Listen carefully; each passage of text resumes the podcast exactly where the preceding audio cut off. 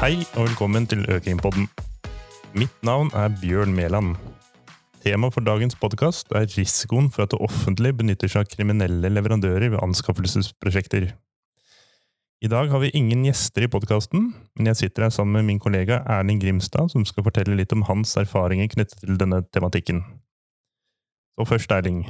Hvorfor eh, bør vi være så opptatt av eh, risikoen for at eh, det offentlige benytter seg av kriminelle leverandører? Ja, Kanskje aller først når vi sitter og diskuterer dette, Bjørn, så bør vi slå fast at uh, ikke enhver leverandør er kriminell. Det kan uh, i det vi kommer til å diskutere, så kan det nesten høres sånn ut, men selvfølgelig er det ikke sånn. Men det er noen få som er kriminelle, og da gjelder det for de som benytter seg av leverandører i det offentlige, og for så vidt også private, å skille de seriøse fra de useriøse. Og det er jo en vanskelig oppgave som mange er opptatt av, fordi at uh, knytter man seg til en useriøs leverandør, så oppstår det risiko for tap. Du kan f.eks. bli ansvarlig for merverdiavgiften som leverandøren ikke selv betaler, og du har en påseplikt, og du har en rekke plikter knyttet til det. Men litt sånn overordnet da, så mener jo jeg at når det offentlige hvert år gjør innkjøp for nær 600 millioner kroner, så er det snakk om så store verdier som det offentlige benytter. Og da er det veldig viktig at både kvaliteten ved leveransene er høye, og at det går redelig for seg, og at man har en, en fair konkurranse i markedet som gjør at det offentlige får riktig pris for veibygging, for bolig, altså prosjekter som gjelder husbygging, som gjelder eh, infrastruktur i lokalmiljøet og nye, store offentlige bygg osv. Um, ehm, og hvis vi ser på korrupsjonsdommer i Norge siden 2003, fram til 2021, hvor det er gjort en kartlegging av Transparency International, så viser jo den eh, oversikten at det er bra mange saker om korrupsjon som nettopp gjelder anskaffelser som det offentlige gjør, særlig da kommuner.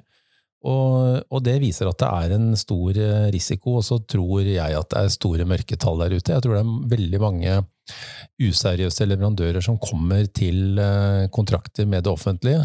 At det offentlige nesten ser en annen vei. Kanskje fordi at de ikke har kompetanse til å vite hvordan de skal avdekke useriøse leverandører. Men, men vi må også se på dette, tror jeg, som en trussel mot velferdsstaten.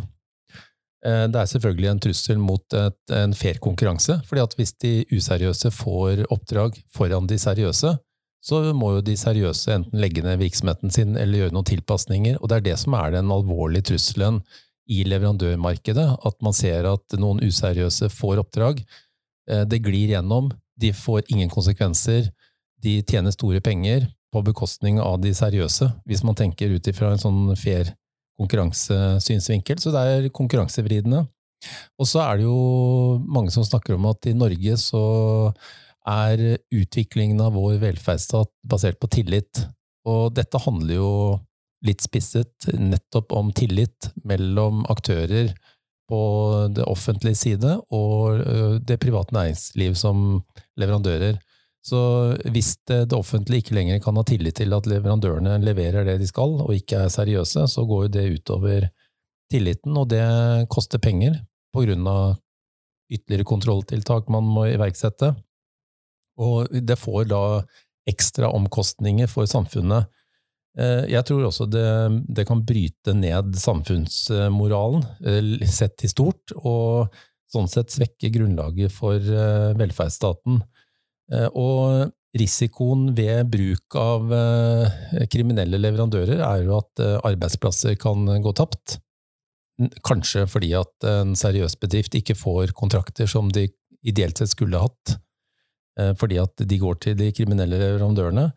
Det kan lede til eh, erstatningsansvar for de som bruker kriminelle leverandører. Det kan lede til, eh, i noen tilfeller, risiko for straff også for de som bruker kriminelle leverandører.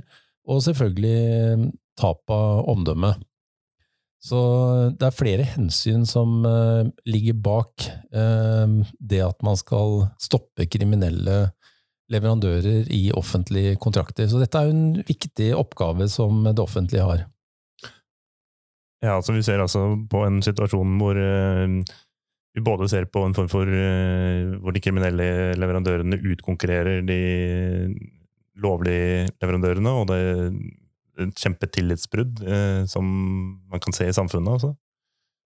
Ja, mm. jeg, jeg mener, mener, det. Så dette går litt i, i kjernen også av det som eh, skaper tillit mellom aktører, og, og, som vi er avhengig av for å bygge ut videre velferdsstaten. Mm.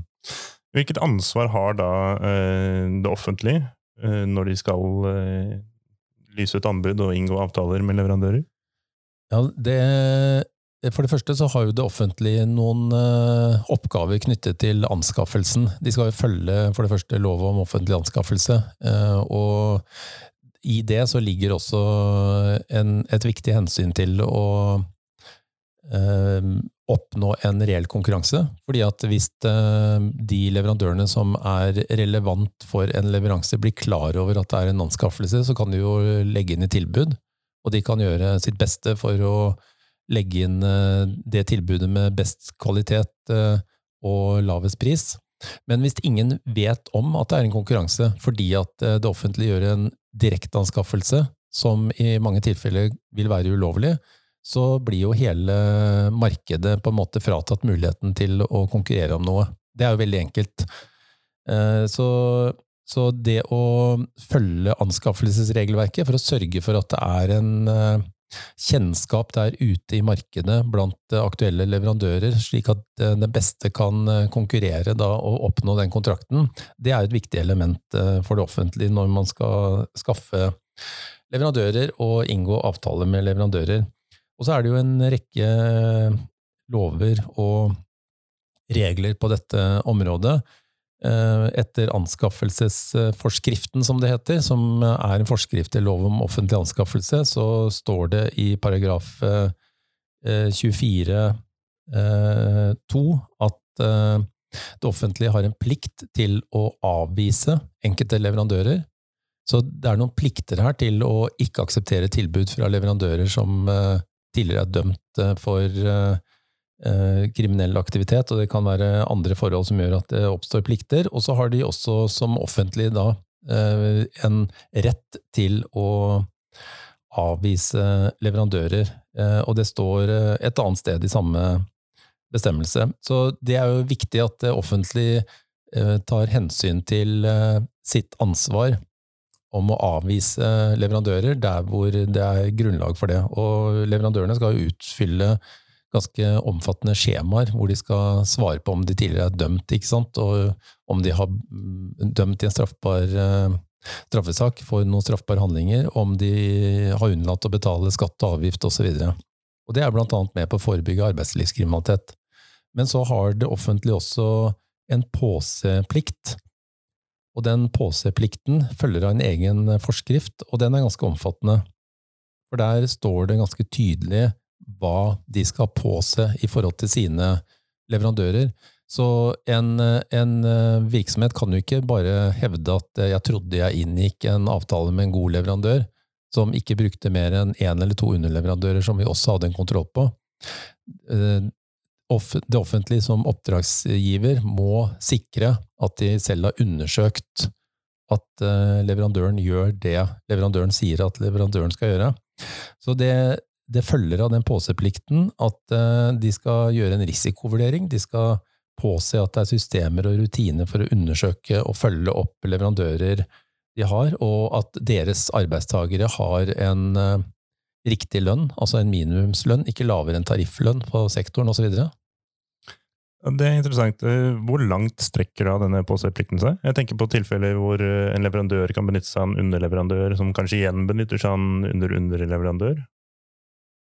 Ja, dette fremgår eh, langt på vei av en egen eh, forskrift, det også. Så det er eh, såkalt allmenngjøringsforskriften som sier noe om, om dette. Og, og, en oppdragsgiver i det offentlige skal gå så langt ned i kjeden at de har kontroll på hvem som faktisk er underleverandører. Og i noen store byggeprosjekter så er det jo f.eks. satt et tak på antall nivåer av underleverandører som man kan benytte, men det er jo godt kjent at eh, leverandørene jukser og bruker andre underleverandører på andre lavere nivåer enn det de forteller sin oppdragsgiver. Og det er jo en risikovurdering, en bedømmelse oppdragsgiver må gjøre ved kontroller de gjør uh, ute hos leverandøren. Så det kan jo bety at en kommune, som et eksempel, i et stort byggeprosjekt bør dra ut på byggeplassen, sjekke om de arbeiderne som skal være der fra den leverandøren er der faktisk, eller om det er helt andre mennesker som er der. Og også sjekke hvilke lønns- og arbeidsbetingelser de har. Og være klar over at det er en risiko for at det kan være en front som et leverandørselskap som tilsynelatende har alle papirer på plass, alt i orden, men så er det andre personer som reelt sett utfører oppgaven, som ikke har papirene i orden. Og det kan du i noen tilfeller bare se ved å ha kontroll på arbeidsplassen. Og jeg har sett undersøkelser som viser at eh, det er langt fra de fleste som gjør aktive kontroller på arbeidsplassen knyttet til risikoen for arbeidslivskriminalitet og denne påseplikten som er eh, forskriftsfestet. Så vi snakker om eh, helt ut i stedlige fysiske kontroller, altså? Ja.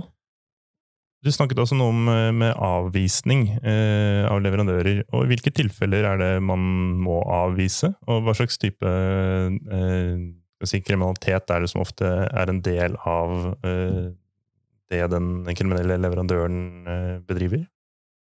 Det anskaffelsesforskriften sier i paragraf 24-2, det er at oppdragsgiveren skal avvise en leverandør i visse tilfeller. f.eks. for eksempel når eh, oppdragsgiveren blir kjent med at leverandøren ikke har oppfylt sine forpliktelser til å betale skatter og avgifter til staten, eller eh, det foreligger eh, inhabilitet som ikke kan avhjelpes, eller eh, leverandøren har deltatt i konkurransekriminalitet. Det kan også være tilfeller der hvor oppdragsgiver, altså det offentlige som oppdragsgiver typisk, da avdekker at leverandøren har deltatt i en kriminell organisasjon basert på tidligere dommer eller saker under etterforskning, eller korrupsjon, som er nevnt spesielt, eller at leverandøren har eh, tatt del i bedrageri, eller er dømt for da bedrageri. Eh, og hvitvasking er nevnt, og barnearbeid og menneskehandel er nevnt. Og så er det disse reglene om kan avvise, altså når det ikke er plikt til å avvise, men når en eh, oppdragsgiver kan avvise leverandør. Og det er hvis oppdragsgiver er kjent med at leverandøren ikke har oppfylt plikter til å betale skatter og avgifter.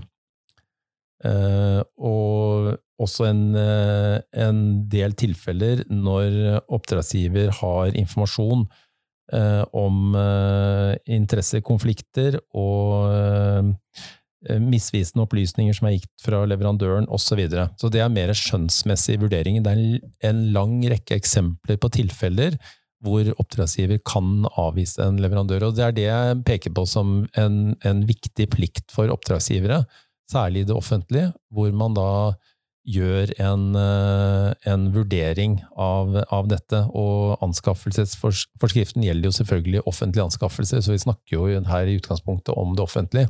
Men eh, samtidig så er det greit å minne om at det private, store private aktører har jo anskaffelsesregler og retningslinjer som ligger veldig tett opp til anskaffelsesforskriften. Men det jeg nevnte nå, gjelder selvfølgelig kun for offentlige anskaffelser etter lov om offentlig anskaffelse.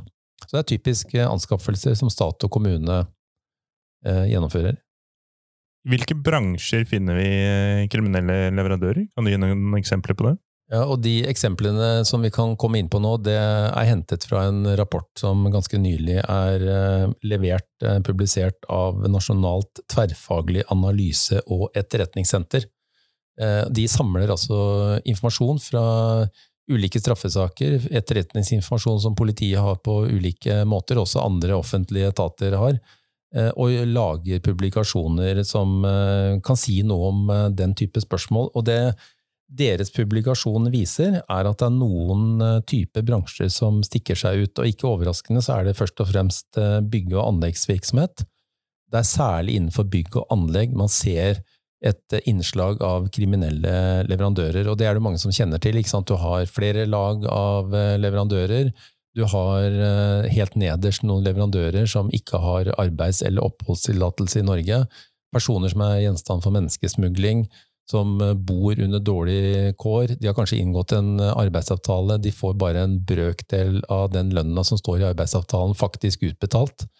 Eh, så det blir laget en fiktiv dokumentasjon og et eh, uriktig inntrykk av hvilke arbeidsvilkår de arbeider under.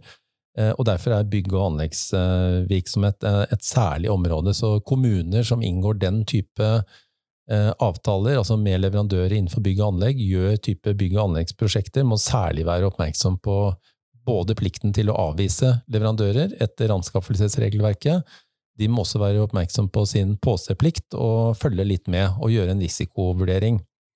Ehm, og så er det også påpekt drift av fast eiendom, som er en bransje som utgjør en risiko.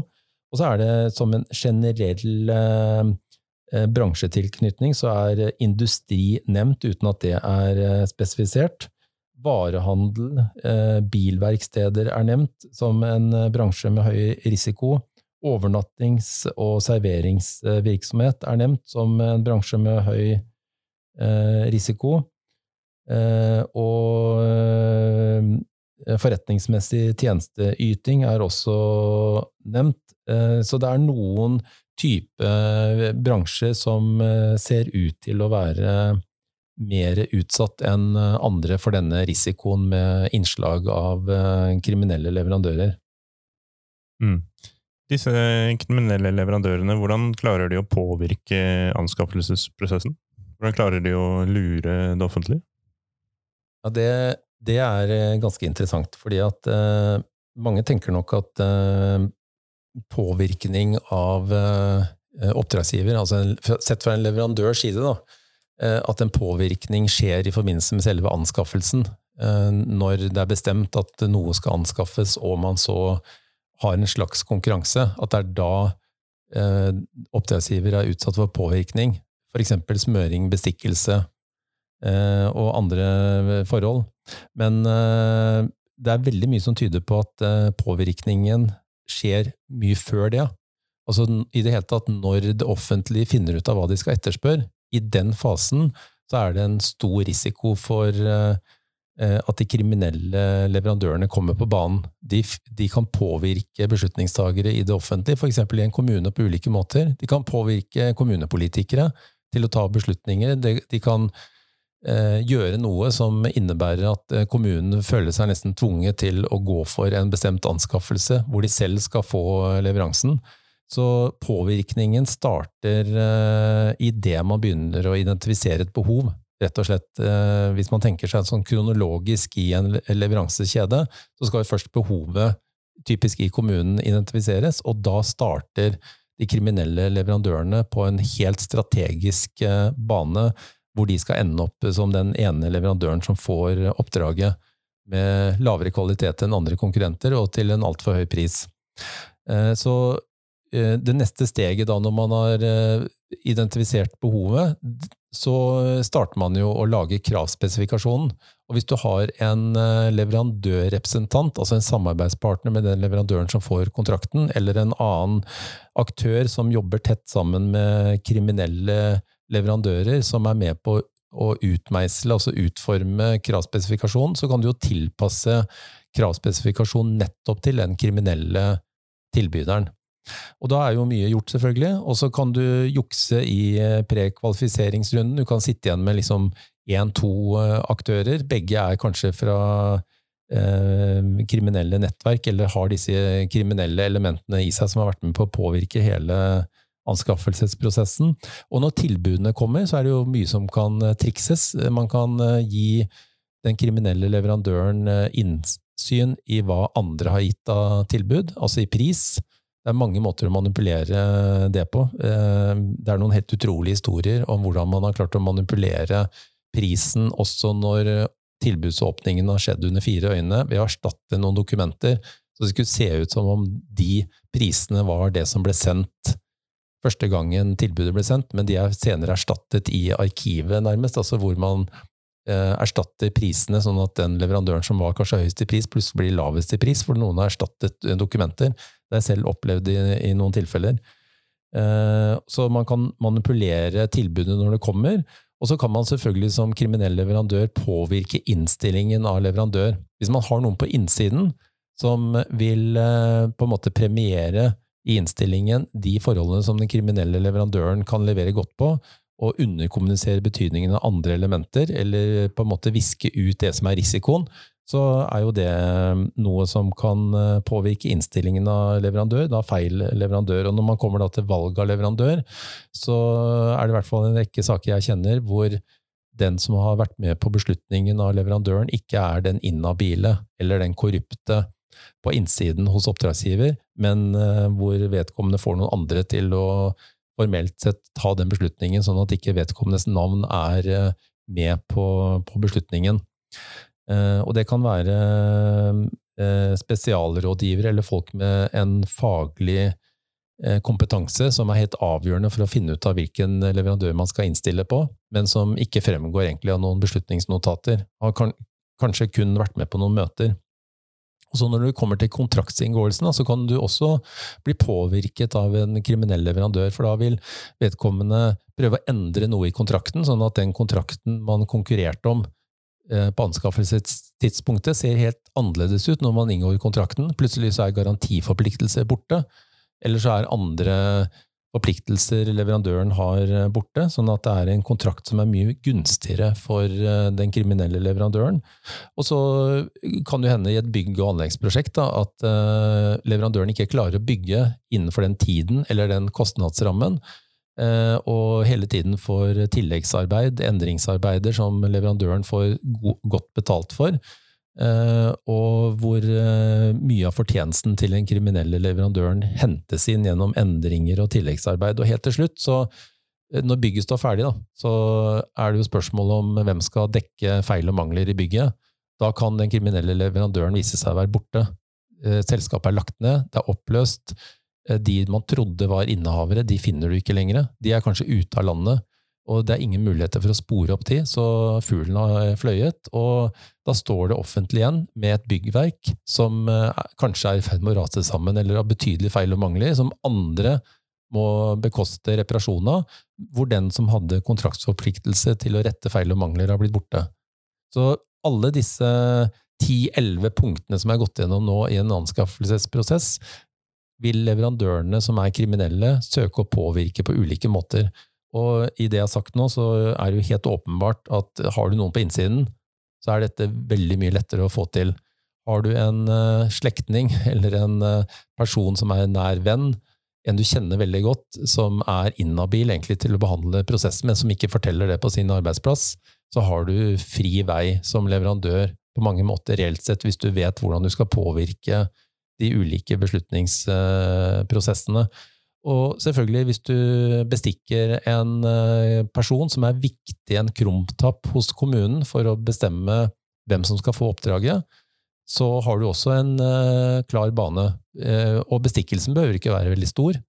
Det viser veldig mange saker at det er, en, det er, en, liten godtgjørelse som er betalt i bestikkelse til noen, men da bruker de det som et pressmiddel. Altså en kriminell leverandør vil da si til vedkommende at hvis ikke du sørger for at vi kommer inn som leverandør, så kommer vi til å på ulike måter, anonymt selvfølgelig, formidle at du har mottatt en bestikkelse. Da er du ferdig i den jobben her. Så det er en utpressing, altså det går fra en bestikkelse til en utpressingssituasjon, og som da gjør at uh, uh, man sitter på en måte i saksa og har til slutt ikke noe annet valg enn å, å la den kriminelle aktøren få, få kontrakten og komme til bordet.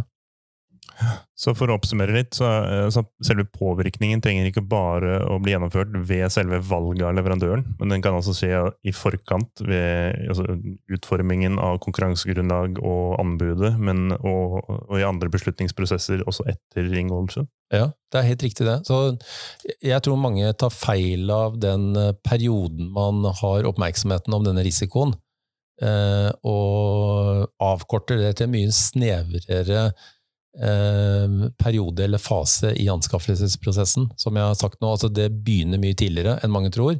Og det avsluttes også med endrings- og tilleggsarbeid og feil og mangler som det ikke er noen til å komme og rette, rette opp i. Mm. Riktig. Og så har du allerede nevnt noe med dette med hvilke personer man kan påvirke. Eh, men uh, har bruker de kriminelle leverandørene seg av noen form for tilretteleggere? Altså, hvem er det som påvirker på vegne mm. av den kriminelle leverandøren? Ja, det, det, er også interessant, og det kommer litt fram i denne rapporten fra Nasjonalt tverretatlig analyse- og etterretningssenter Eh, de, de, peker på en del elementer som jeg mener selv, eh, basert på noen års erfaring med å, å være med på å granske eller undersøke, avdekke denne type forhold, at det treffer veldig bra. fordi at de, de, nevner tilretteleggere som benyttes for å øke handlingsrommet, som de sier, for kriminelle. Og det kan jo være en regnskapsfører som eh, eh, lager på en måte en, et regnskap som er basert på fiktive bilag, blåser opp en omsetning sånn at det skal se ut som virksomheten er mye større enn den faktisk er. Blåser opp antall ansatte, ghost uh, employees, altså ha ansatte som ikke eksisterer. Det kan være null ansatte, men det ser på papiret ut som det er uh, flere ansatte der. De kan hjelpe til med å å bokføre fiktive fakturaer og gjøre andre tilretteleggingsoppgaver. Det samme kan faktisk en revisor gjøre. Så en revisor som ser en annen vei, og som reviderer et eh, regnskap som er pliktig å, å revidere, eh, og godkjenne et fiktivt årsregnskap, kan være en sånn tilrettelegger. Advokater kan være tilretteleggere. Advokater kan eh, gå foran og bane vei for kriminelle leverandører, og det kan også være faktisk andre seriøse leverandører som baner vei for sine underleverandører som er kriminelle. Så jeg tror mange tenker at særlig innenfor bygg og anlegg så har vi noen hvite aktører i bransjen, leverandører, og så har vi noen svarte. Øh, det sier jo også de som jobber med arbeidslivskriminalitet, at sånn er det ikke lenger. Det er en gråtone, og det er en blanding. De ser stadig flere eksempler på at såkalt hvite leverandører også har svarte underleverandører. Og det har vi en episode i Økrimpodden med, faktisk, med han som leder A-krimsenteret i Oslo, som sa noe om. Så der har vi også et eksempel på tilrettelegger i form av såkalte seriøse leverandører. Og så har du en, en annen gruppe, og det er de som er mellommenn, eller stråmenn, som benyttes for å omgå regelverket. og Det kan være de som står i front, og som ser ut til å oppfylle kriterier, og som medfører at det ikke blir noe avvisning etter dette regelverket vi har snakket om. Eh, og de kan benyttes da, utnyttes av de kriminelle leverandørene for å omgå regelverket. Og så selvfølgelig underleverandører som er kriminelle, som skjules, eh, og som aldri fremstår i kontrakten som underleverandører.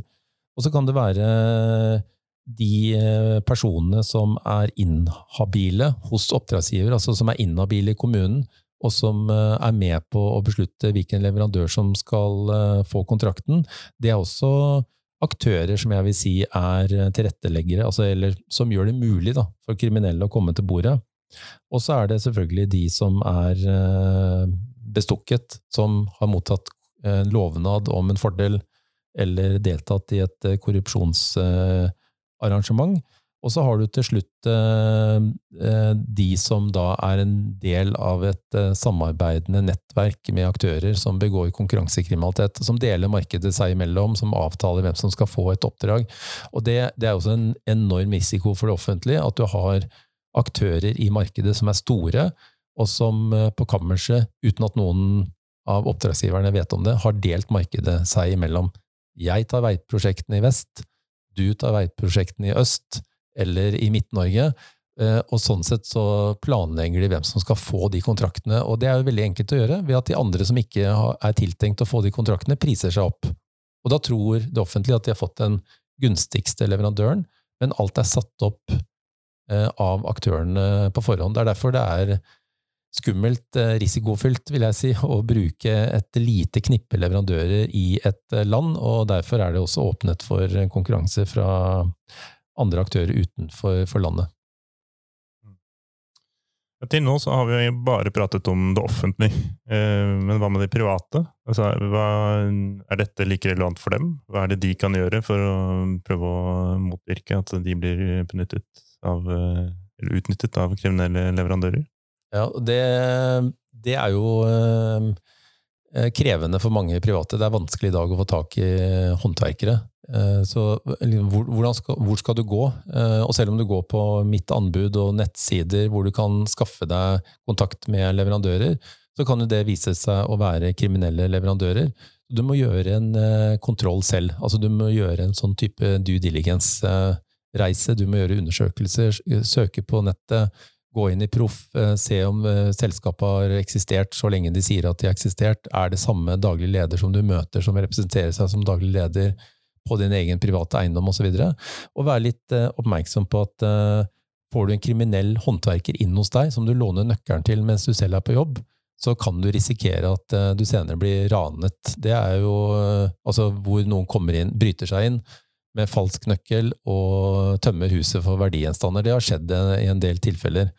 Eh, så det er en sikkerhetsrisiko for privatpersoner også, så man bør være forsiktig. Eh, det er jo eksempler på at privatpersoner har blitt involvert i hvitvasking, blitt dømt for hvitvasking, eh, også blitt dømt for å betale skatter og avgifter og medvirkere til kriminelle handlinger som er begått av disse kriminelle leverandørene. Så et et enkelt råd er å gå på nettsiden handlevitt.no. Der kan du gå gjennom en beslutningsvei, faktisk, som privatperson, og så kan du sikre at du har gått gjennom og tatt disse beslutningene som du bør gjøre på de ulike stadiene, avhengig av hva du skal anskaffe selv. Og da er du i hvert fall på noe tryggere grunn. Mm. Det var det vi rakk for denne gang, og takk for nå.